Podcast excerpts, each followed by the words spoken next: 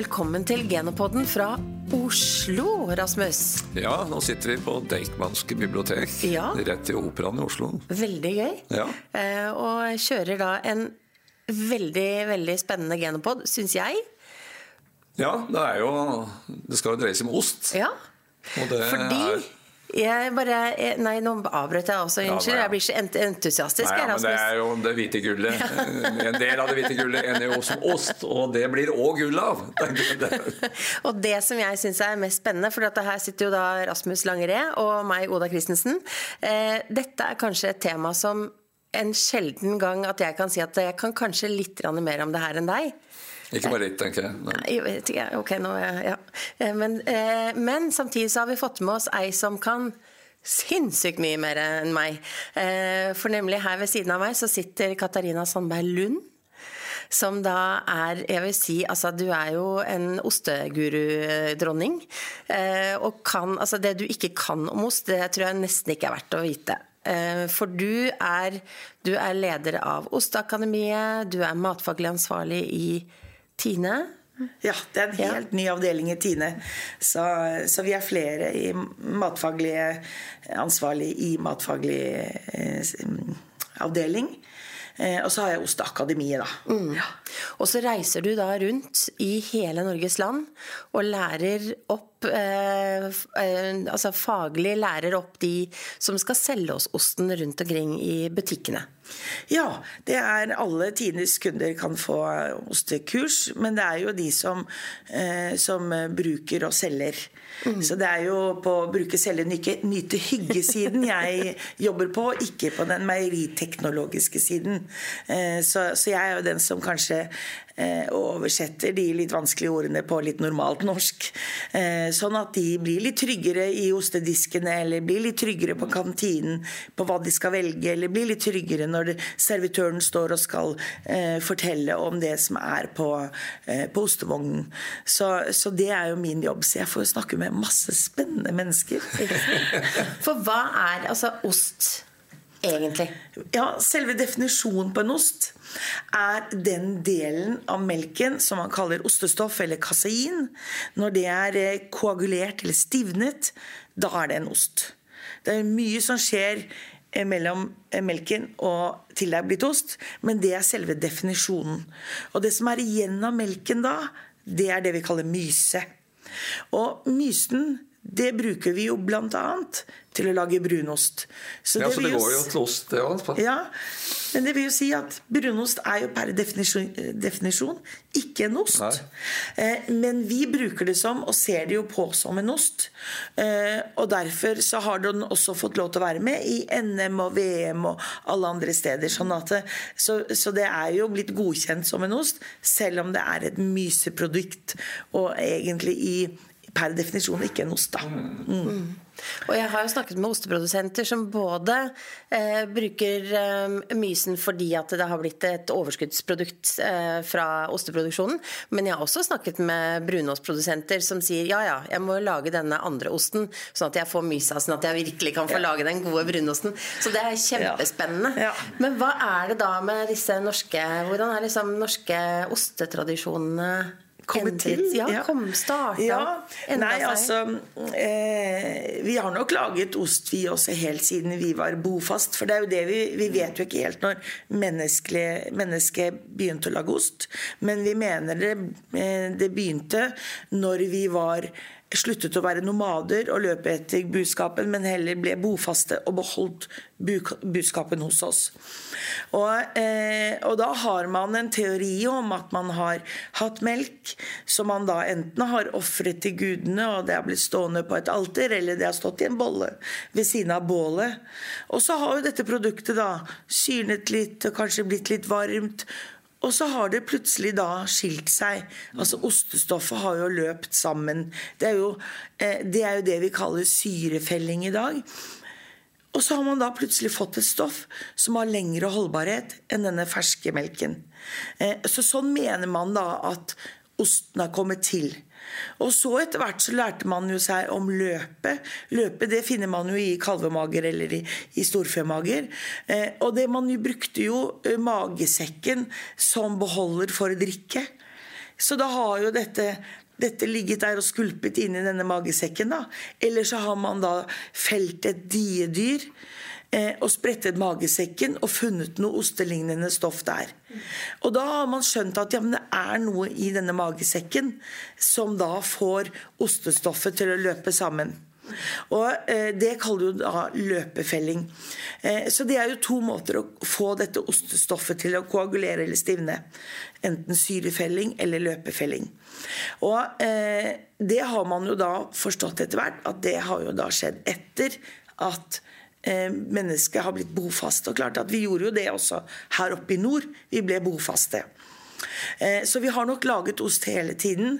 Og de eldste i Norge er jo, er jo gammelost og pultost og skjørost. Altså disse, eh, disse eh, ostene som, som, vi mener ble, ble nevnt i Njål saga.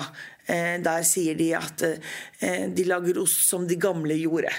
Mm. Og det er jo disse gammelosten, han er virkelig så gammel? Den er så gammel. Og den er jo, begge disse her er jo syrefeltet. Altså det er jo fra før, før løpefellingen kom til. Eh, og Så vi kan jo med rette kalle det vikingost i dag. Eh, fordi at det er så langt vi kan greie å, å spore det opp. Men osten i seg selv, hos mennesket, eh, har man jo sett er med hele veien eh, som ofringer, som gaver, som toll, som til og med som kanonkuler. Ja, så her er det mye, mye morsomt å grave i. Men er det derfor den heter gammalost? Fordi den faktisk eh, kan finnes så langt tilbake igjen? Ja. For den er jo veldig lite lagret, så det er jo ja. ikke en gammel Helt riktig. Det er, en, en, det er resepten som er gammel. Eh, så gammelost er en ferskost eh, som man, eh, man lagde gjerne på gården. Så lagde man jo gammelost og pultost. Og gammelosten brukte man som med en gang, mens da pultosten var noe man lagret så det er, det er, helt riktig. Så det er resepten som er gammel. Eh, men eh, Og det er begge de det er spennende oster, altså. Virkelig. Eh, så Men hvis vi kommer, går liksom opp til i dag, og alle de ostene vi lager i dag, kunne si liksom noe om mjølkas betydning? Da, på, altså kvaliteten på mjølka, og hva, hva, det har å si for, for osten til syvende og sist? Absolutt. absolutt. Det er jo akkurat sånn som på vin, at, at det er terroir Eh, er eh, kuene, hvilket gress de gresser på, om det er noen urter der, og hvor lykkelige de er, og hvor godt de har det. Alt dette gir jo innvirkninger på melken. Og hvilke typer sesonger og hva slags vær. Alt dette her innvirker jo på kvaliteten på melken. Og, eh, og, i Norge så har vi jo veldig høy kvalitet på melken. Og, og vi har veldig høy dyrevelferd, som virkelig eh, er viktig. Eh, og det gjør jo at vi har god melk. Eh, og vi, eh, eh, vi, vet jo at ute i, ute i, verden nå i dag så er jo dyrevelferd et stort, et stort tema. Eh, men vi, vi, er jo der allerede, men vi setter jo bare lista høyere. Eh, og det gjør jo at når vi drar der ute med våre oster, så kan vi virkelig stå bredbent og være stolt av de produktene vi har. For vi vet at opprinnelsen alt er, det er så skikkelig, og det er jo så typisk en norsk bonde. Alt er veldig skikkelig. Eh, og um, jeg som kommer fra Tine, da. Jeg får jo eh, Når vi hører om, om eh, Tinebonden som da får sølvtine, det er jo for å levere melk 10-15-20-25 år. Helt feilfri melk mm. på rad! Tenk deg. Ikke sant? Og det er jo det er den norske bonden, det. Det er jo fantastisk. Eh, så eh, virkelig at melken eh, har jo absolutt noe å si. For det har, altså, Selv om vi også har hatt bra, veldig veldig bra kvalitet over lang tid på den norske mjølka, så har det jo skjedd noen ting rundt det med, med norske oster. Vi har fått flere små produsenter, vi har fått et bredere utvalg. Men vi har også som forbrukere fått en mye mer større interesse for for det å spise den gode melka til slutt. Altså sånn, Um, ja, Bruke den til mer enn bare å drikke melk til frokost. Ja, ja. helt klart. Kanskje akkurat at vi drikker litt mindre melk til frokost, dessverre. Eh, men vi bruker da mer smør, mer fløte, mm. mer melk i kaffen og mer oster og mer synlige produkter. Så helt klart at vi har eh, forandret eh, mønster i hva vi bruker melken til, altså forbrukeren. Eh, men eh, det har jo skjedd noe i Oste-Norge, eh, og, og det starter jo eh, nok med norsk gardsost, som da samlet seg og fikk igjennom det at det skulle være én lov til å yste på gård. Eh, både upasteurisert og pasteurisert. Eh, for det var det jo en periode ikke lov til. Eh, og når det eh, ble lov, så skjedde det noe, for da kunne bonden gjøre mer enn bare å produsere melk. De kunne også produsere noe av produktet sitt. Eh, og Gangstad, som da vant hele VM i år, de var jo en av de første som fikk mm. lov til det. Og det, vi, vi, satt jo alle sammen i Trondheim og vi gråt jo, for det var så Det passet så godt. De var 25 år, og var, de var liksom første ut. Så vi alle var jo bare så lykkelige for at de fikk, eh, fikk den medaljen. Altså. Eh, så, eh, og det er jo utspringet norsk gardsost. Og eh, ut fra der så har det skjedd masse morsomt og masse spennende produkter. Og eh, gårdssøstrene har også vært flinke til å finne fram ok, hva gjorde bestemor, hva, hva, hva, skjer her, hva pleide vi å lage her før i tiden. Og så har de hentet fram de gamle eh, ideene, de gamle produktene. Eh, og så har de også vært ute og reist. De har sett hva gjør de andre ostelandene, og så har de tatt med seg ideer. Og så har vi da fått en masse spennende eh, oster i Norge. Og den utviklinga fortsetter? Absolutt. Og vi slutter jo ikke med å reise. Vi slutter ikke å spise. Eh, og eh, oste, ostespiseren eh, Klart at vi Eh, vi reiser, vi også. Vi ser. Men så er vi også veldig opptatt av å bruke norske produkter. Det, jo, det hører vi jo i alle land, det at det er spennende å bruke egne produkter. Eh, eh, og så er det om å gjøre da gå på bondens marked og gå på eh, lokale butikken og se hva er det de har å, å, eh, å tilby. Unnskyld. Her er det litt, eh, litt sånn uh, uh, desemberstemmer, men uh, Sånn er det. Ja, det er den 'it's the season', som de sier. men vi ser jo også at, at Ja, vi kjøper jo litt mer spennende oster også. Nå, jeg, nå uh, syns jeg at Norvegian får litt sånn ufortjent rykte som at det er en kjedelig ost. Altså Hvis man har spist en, en lagret Norvegia og den har fått noen år, så vil man jo selvfølgelig som oppleve at det også kan være en fantastisk bra ost. Men det er jo en grunnsten et sted der, da. Ja, den har jo en wow-faktor uten like. Men eh, ja, en, en, vanlig skorpefri Norvega tre måneder, den er unektelig. den mild. Den er mild, mild, mild. Den er snill og hyggelig. Den er litt sånn passe myk. Eh, Uh, og den, det er oppgaven til den osten. Den skal være snill og hyggelig og mild og myk. Passer hele familien. Mm. Passer alle. Mm. Uh, og den, den eh, kanskje ikke har en framtredende egensmak, men den er flink til å bygge opp andre smaker. Den passer til å fremme andre hvis du har noe i tillegg på den brødskiven eller knekkebrødet. Eller du bruker en gratinering som tilfører den eh, en konsistens, eller noe sånt.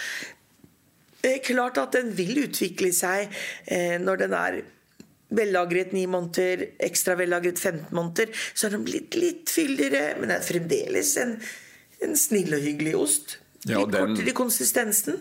Men når den blir lagret over to år. Da har det skjedd noe magisk. Da har den fått en helt annen personlighet.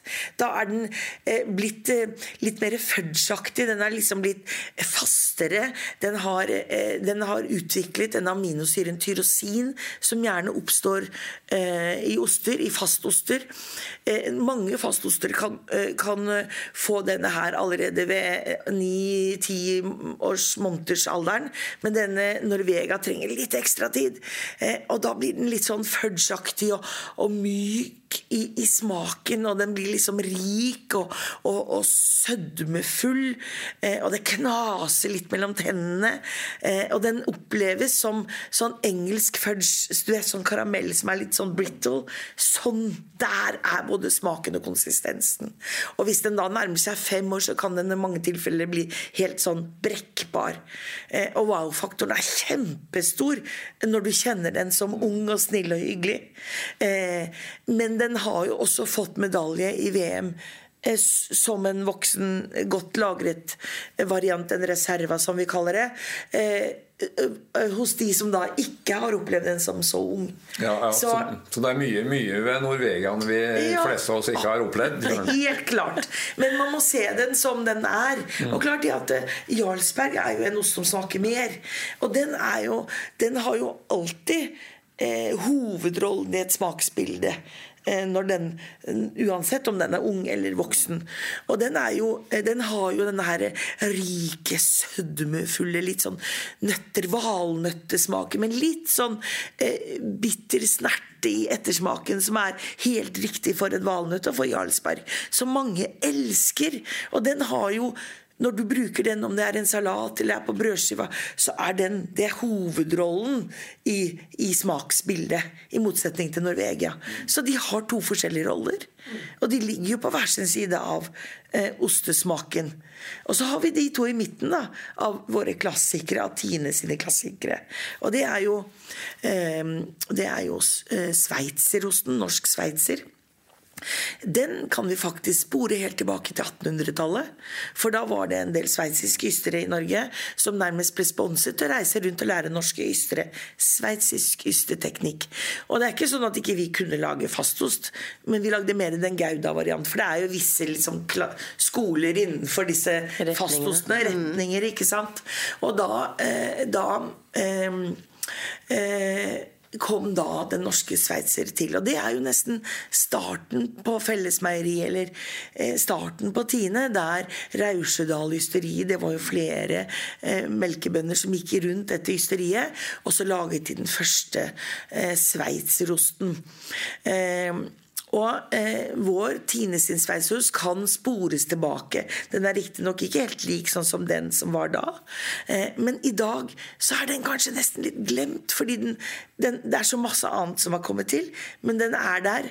Og den har litt den friske fruktigheten, og den har en litt sånn skarp snert som du kjenner langs kjeven når du spiser den. Men, så den har eh, er ikke så voldsom og satt som, når, som Jarlsberg, men den har den rike, friske fruktigheten. Og så må jeg bare nevne Altposten til slutt, og det er jo den nye babyen, da. Den kom jo da i 2018 i Bergen. Da introduserte vi den. Da hadde vi ruget på den i, i ca. tre år.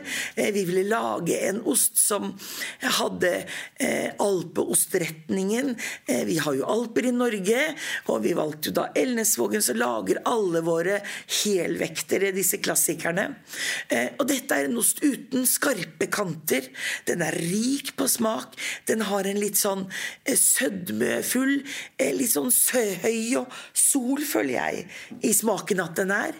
Eh, og så har den en helt fantastisk aroma. Den har litt sånn tropisk aroma med litt sånn ananas. Den er bare helt fantastisk å skjære i.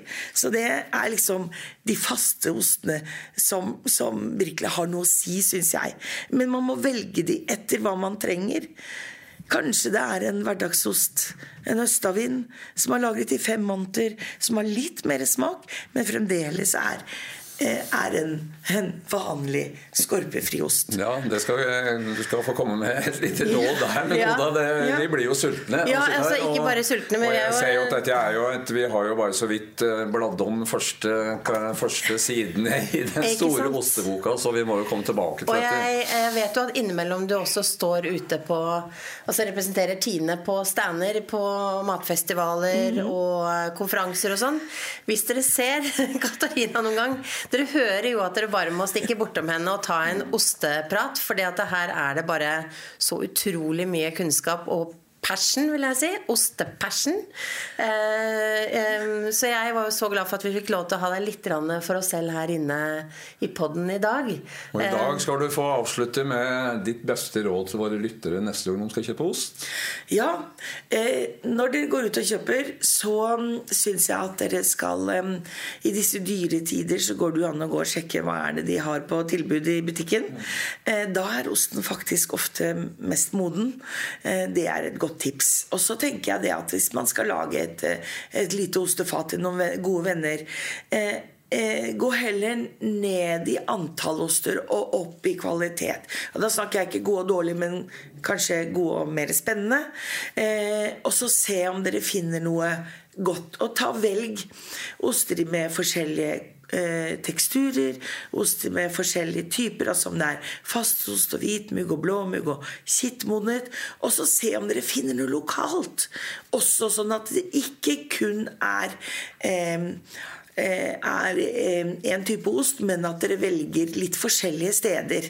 Eh, fordi at i Norge er langstrakt, og det finnes masse spennende osteprodusenter overalt. Så finn litt. Finn noen som dere føler er trygge som dere kjenner til, og så må dere ta én hvert fall som dere aldri har smakt før. Og det kan gjerne være en lokal en. Veldig, veldig gode tips her, Katarina. Tusen, tusen takk. Takk for at du tok litt tid til oss i dag. Eh, du snakket om Gangstad tidligere, og vi har eh, Jeg har fått lov til å ta turen til eh, Inderøya og ta en prat med Ole Morten og Maren Gangstad på Gangstad, Øvre Gangstad og Gangstad Ysteri. Skal vi høre litt hva de har å si.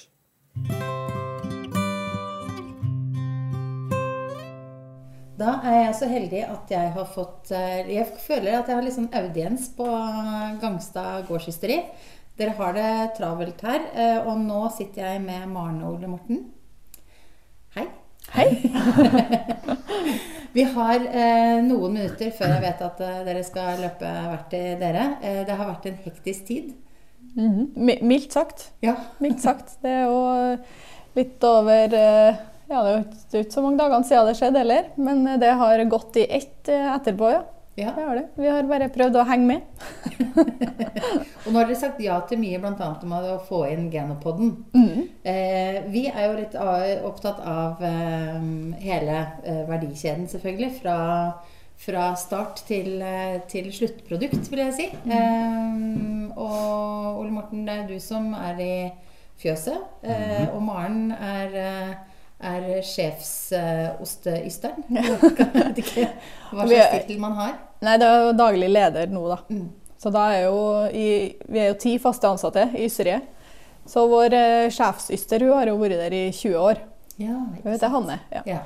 Vi er, men vi gjør mange av oppgavene, alle vi som er der. Da, for eh, vi er jo ikke så store. Så da er jo et, godt, et poeng at uh, mange skal kunne fylle arbeidsoppgavene, så vi ikke blir så sårbare. Og det er også viktig å si at Gangstad gårdsysteri er det første autoriserte gårdsysteri i Norge for fem, 25 år, uh, som er jubileums... Ja, det stemmer. Så Astrid Aasen, da, Ole sin mor, og Peri Frøysadal, hans far, starta ysteriet i 1998. da første som fikk autorisasjon på kumelk. Mm.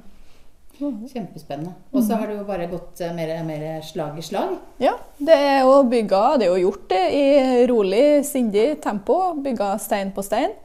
Gått fra at Astrid var alene, til at hun hadde en pensjonert eh, tinemann med seg, til at vi nå er ti faste ansatte i Ystria. Og tolv årsverk med ungdommer sånn som er å hjelpe oss på sommer og på lørdager. da. Mm.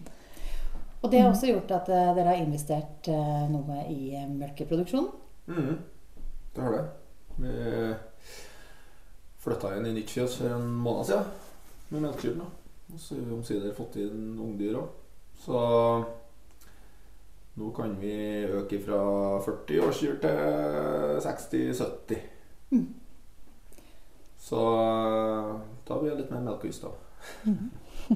For det, jeg regner med at, at, det har vært eh, en ganske eh, Etterspørselen har økt. Eh, ja.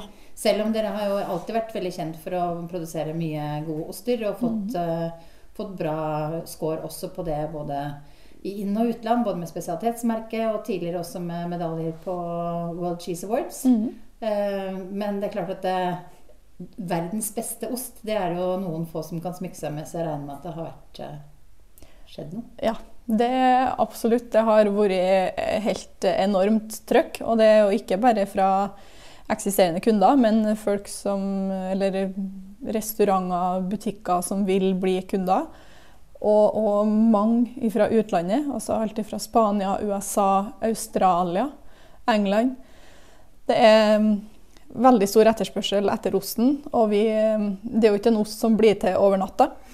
Den skal jo lagres i gjerne minst fem måneder. Så det, ja, vi håper at folk er litt tålmodige, og at den skal nå ut til flest mulig. Men per nå så må vi prioritere de kundene vi har hatt i mange år, og som har vært lojale mot oss lenge allerede. da. Mm. Luksusproblem. Ja, ikke sant? Ja. Det er jo det. Ja. Jeg regner med at det er mange som skjønner at vi skal til Inderøya i sommer, i hvert fall. Håper det. Ja. Vi har veldig god is òg. Ja. det vet jeg. Jeg skrive under på.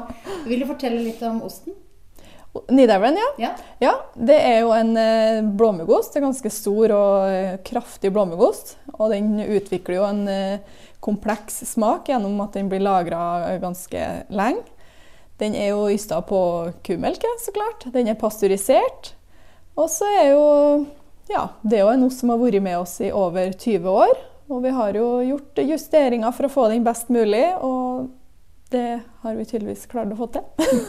Vi tror vi begynner å være i mål med justeringene. Ja. ja, kan man komme høyere opp liksom, i osteverdenen? Nei, jeg tror, den, jeg tror vi begynner å ha toppene, ja. Ja.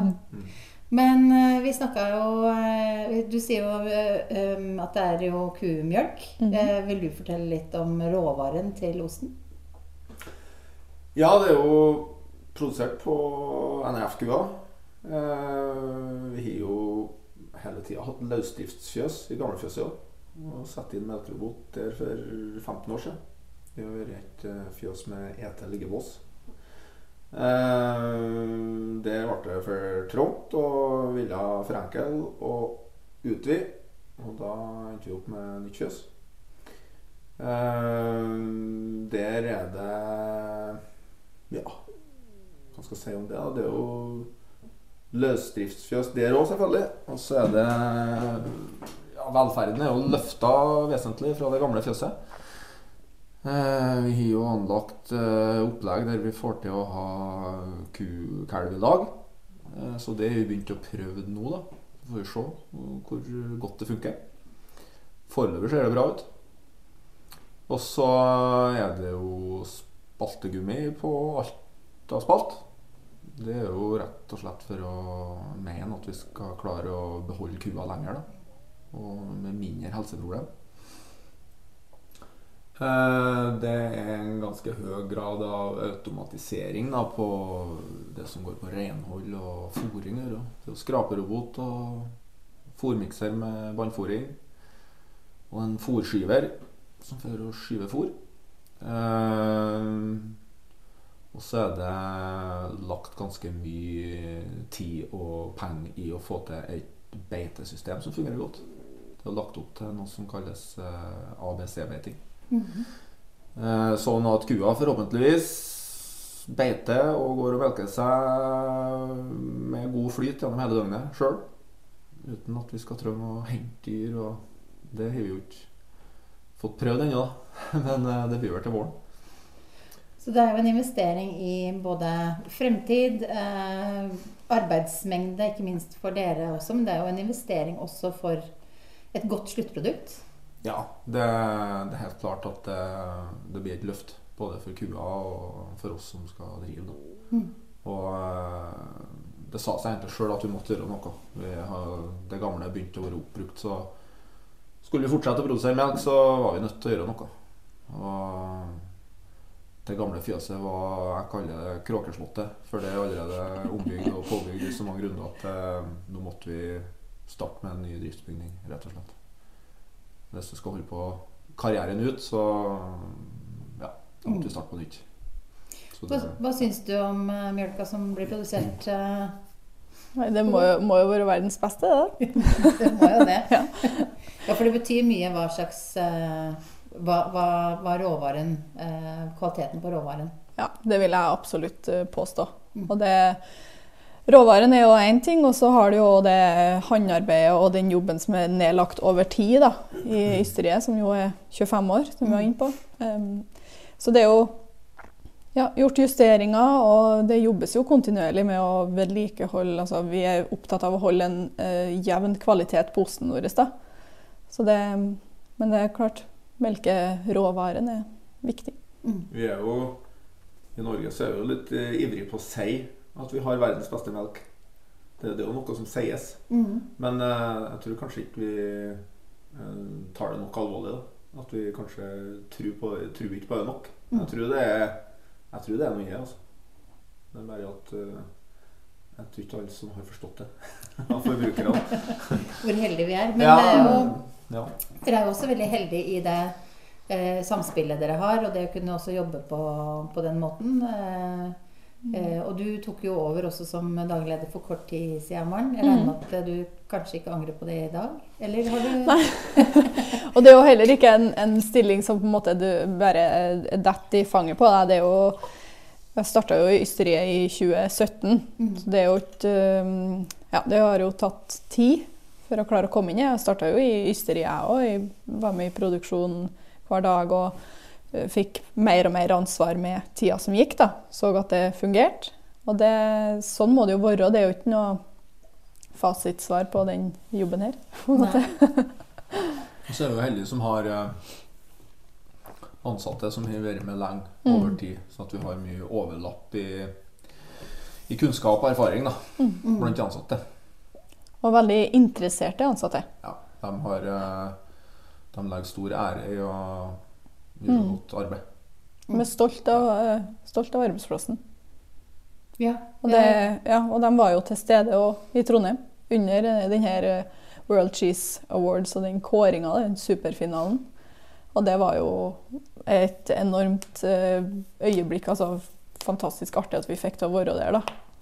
Og det var Hva gikk gjennom mm. hodet deres da dere var sånn nesten sikre på at det var deres ost som var på oppe på podiet. Mm.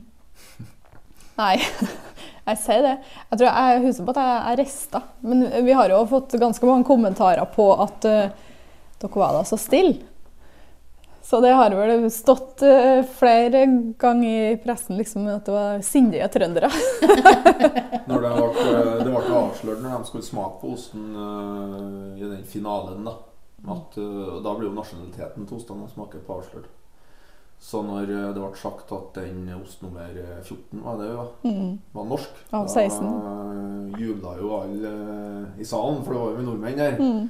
Og når poengsummen ble avslørt, da jubla jo de i salen enda mer, for da var jo norsk ost som leda.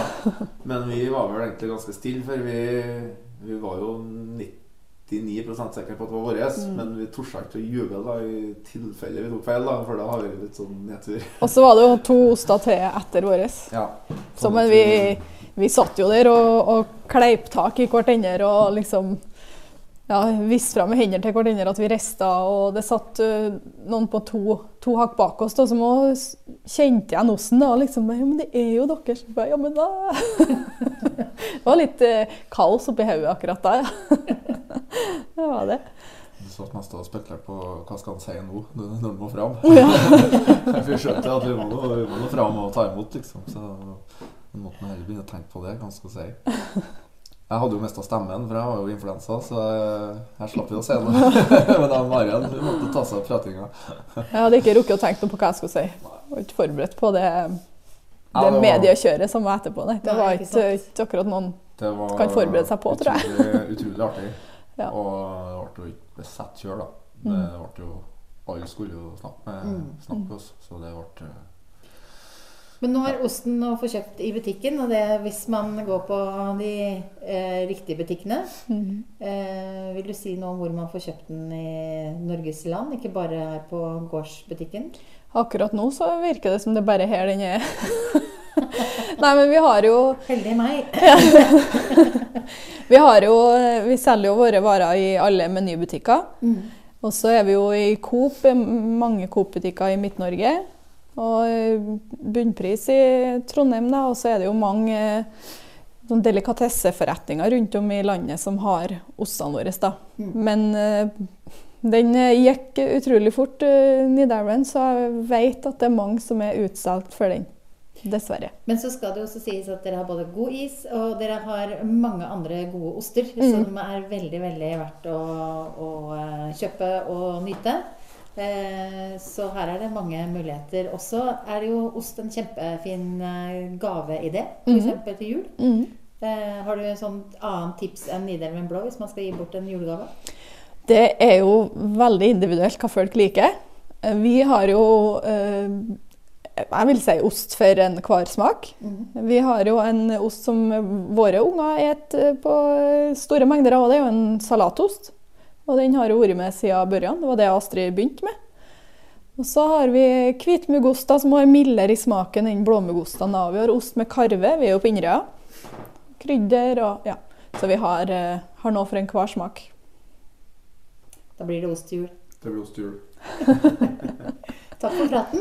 Takk for praten. Da regner jeg med at det er noen som må gå i hysteri. Og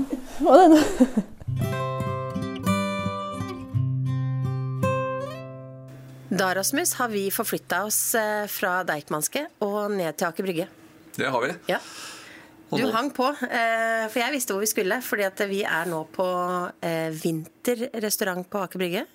Og har fått med oss eh, Siri Helen Winther. Tusen takk for at vi får lov til å komme i restauranten din, Siri Helen. Det er bare veldig hyggelig. Ja. Takk for at jeg får være med på podkast. Og du er yster og eh, restauranteier. Det er helt riktig. Vil du fortelle litt mer om deg selv? Eh, Jeg heter Siri Helen Winther og er eh, ystera. Eh, Jeg jobba egentlig med mat hele livet. Så, og fikk lære meg ystefaget både i Frankrike, Italia og litt i Norge. Eh, Og driver nå tre restauranter og et ysteri. Midt i Oslo. Og vi sitter jo nå mer eller mindre oppå ysteriet. Ja. Så her yster dere nede opp under her. Altså, eller også i tillegg et modningsrom hadde dere ikke kjelleren. Så her er det virkelig kortreist ost. Helt riktig. Så, og det er mange som sitter i restauranten, til og med som er her, som ikke tror at vi lager osten her, men det er helt åpen produksjon. Så du kan gå på utsiden hos oss og se på produksjonen, og du kan også se den fra innsida. Så midt i Oslo og her. Og osten eh, produseres på eh, mjølk fra Grøndalen gård. Det er også helt Og riktig. den er heller ikke så langt unna her. Nei. De er en fantastisk samarbeidspartner som jeg er utrolig stolt av å jobbe med. Eh, Så, og vi har en kvalitet på melka som er helt eksepsjonell. Både i Norge og fra da Grøndalen gård. Fordi at eh, jeg, har, jeg fikk et spørsmål bl.a. rundt det med kvaliteten på mjølka. Og jeg har jo stilt det spørsmålet til deg før, Siri, så jeg veit at du kan svare. Det her med at vi har litt mer gyllen både ost og også smøret i Norge er mye mer Du ser det på fargen at det er en annerledes Det er noe annet med det norske enn det er i utlandet. Hva vil du si om det? Det er helt riktig. Eh, Det har jeg også sett og observert, og jeg tror det gjenspeiler seg i eh, den norske naturen. Eh, Forholda som dyra har, hvor de går og gresser. Eh, Og hva de spiser. Jeg tror det er et speilbilde av den kvaliteten da, som kua får være ute på. Og eh, det, du ser det jo også på blåmuggoster, at noen kan være litt gulere. Der er det nok eh, fløte også som er tilsatt i mange av de, som gjør at den får et litt mer gullskjær. Men at vi har både dyrevelferd i Norge, som er unik, og naturen vår, rett og slett. For Hva er liksom viktigst for dere når dere skal velge ut eh, råvaren til eh, osteproduktene deres? Det er jo kvaliteten, selvfølgelig. Eh, Og en god, god melkekvalitet kan jo gjøre at du har en helt, helt annerledes ost. Men så kan jo vi som ystre også ødelegge en melk. Så at vi fikk lov til å jobbe med Grøndalen gård, er vi jo veldig, veldig takknemlige for. For det gjør at vi får en helt unik råvare. Eh, Og de driver jo veldig godt dyrevelferd. eh, Er en av få eh, gårder i Norge som er dyrevernmerka. I det ligger det mange kriterier, men det at kua får lov til å være mor, det ser man på dyret, og man kjenner det når man er i fjøset. Så mm, det Han har også... faktisk vært reportasje i budskap fra Grønland gård, så det går an å lete opp den på, på nettet. Ja. Og jeg kan underskrive på at der, der er dyrevelferden i høysetet i hele drifta. Hva betyr det også for kundene dine? Både de som kjøper osten og de som er i restaurantene? Eh, det betyr mye. Vi har mye kurs her eh, hvor vi snakker og snakker om norsk ost. Eh, og promoterer og forteller. Og jeg ser at gjestene mm, som vi har på kurs, de reagerer veldig positivt når jeg forteller om hva Grøndalen gård gjør, og hva det gjør da med kvaliteten på melka. Og også som vi har kunder i butikken vår, når vi forteller historien, så ser du at det, det gir en stor merverdi for eh, både kunde og gjest. Det er klart det betyr noe. Og så er det ikke sånn at alle gårder i Norge skal gjøre som Grøndalen gård, men de, de gjør noe som er, unikt og veldig, veldig bra. Du har jo vært eh, dommer i flere oste-VM-er, og, og bl.a. noe av det siste også. Hva er det du har sett som er en Altså hva er utviklingen av norsk osteproduksjon? Det har jo vært en osterevolusjon. Eh, bare tilbake til når jeg begynte utdannelsen min, det var i 2018. Eh, og jeg møtte internasjonale dommere. 2017 var det. Eh, så var det nesten ingen av de som hadde hørt om norsk oster, bortsett fra brunost. Eh, pultost og gammalost. og gjorde nesten litt sånn narr av meg i de der nerdete forumene. og etter oste-VM i Bergen i 2018 så skjedde mye. Når Kraftkar vant i 2016 skjedde det mye, og enda mer skjer. da. Så jeg vil si i Norge de siste 15 årene har det jo vært en helt vanvittig utvikling. Mm. Men hvordan merker du det på, på gjester? På? Merker du at det er en vet de litt mer om, om norske oster, eller blir de overrasket når de får, eh, får servert de osta det kyster her?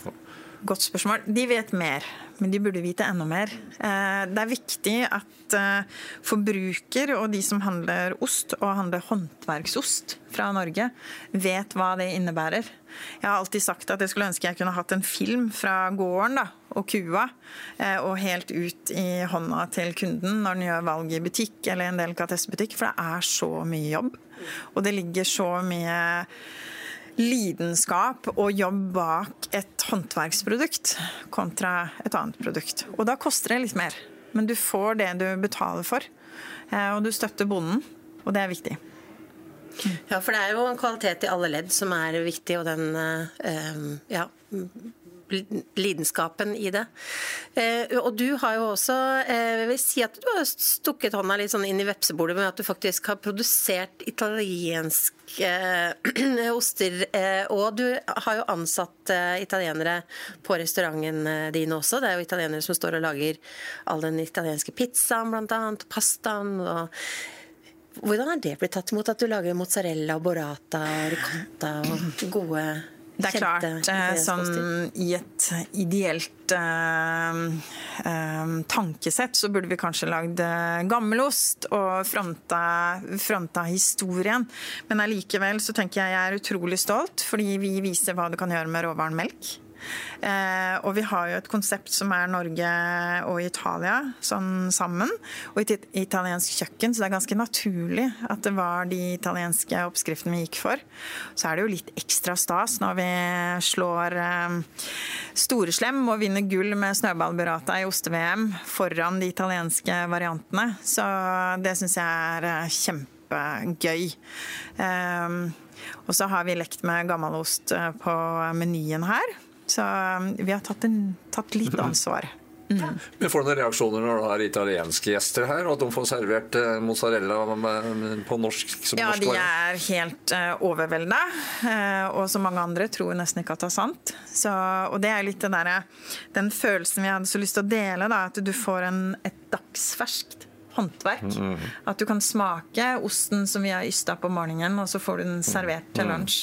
Det er ikke så mange forunt.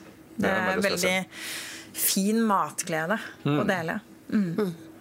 Hva er det viktigste du har lært deg gjennom årene som yster? At det er vanvittig eh, tøff jobb. Ingen pleier å tøyse med, ingen rosa såpebobler. Det er eh, hardt arbeid. Eh, melka forandrer seg gjennom sesongen. Eh, når vi har jobba ut nye oster, så er det beinhard jobbing for å få de, få de bra og gode. Det er enormt mye kunnskap. Så, og veldig viktig å følge alt av hygiene og rutiner. Mm.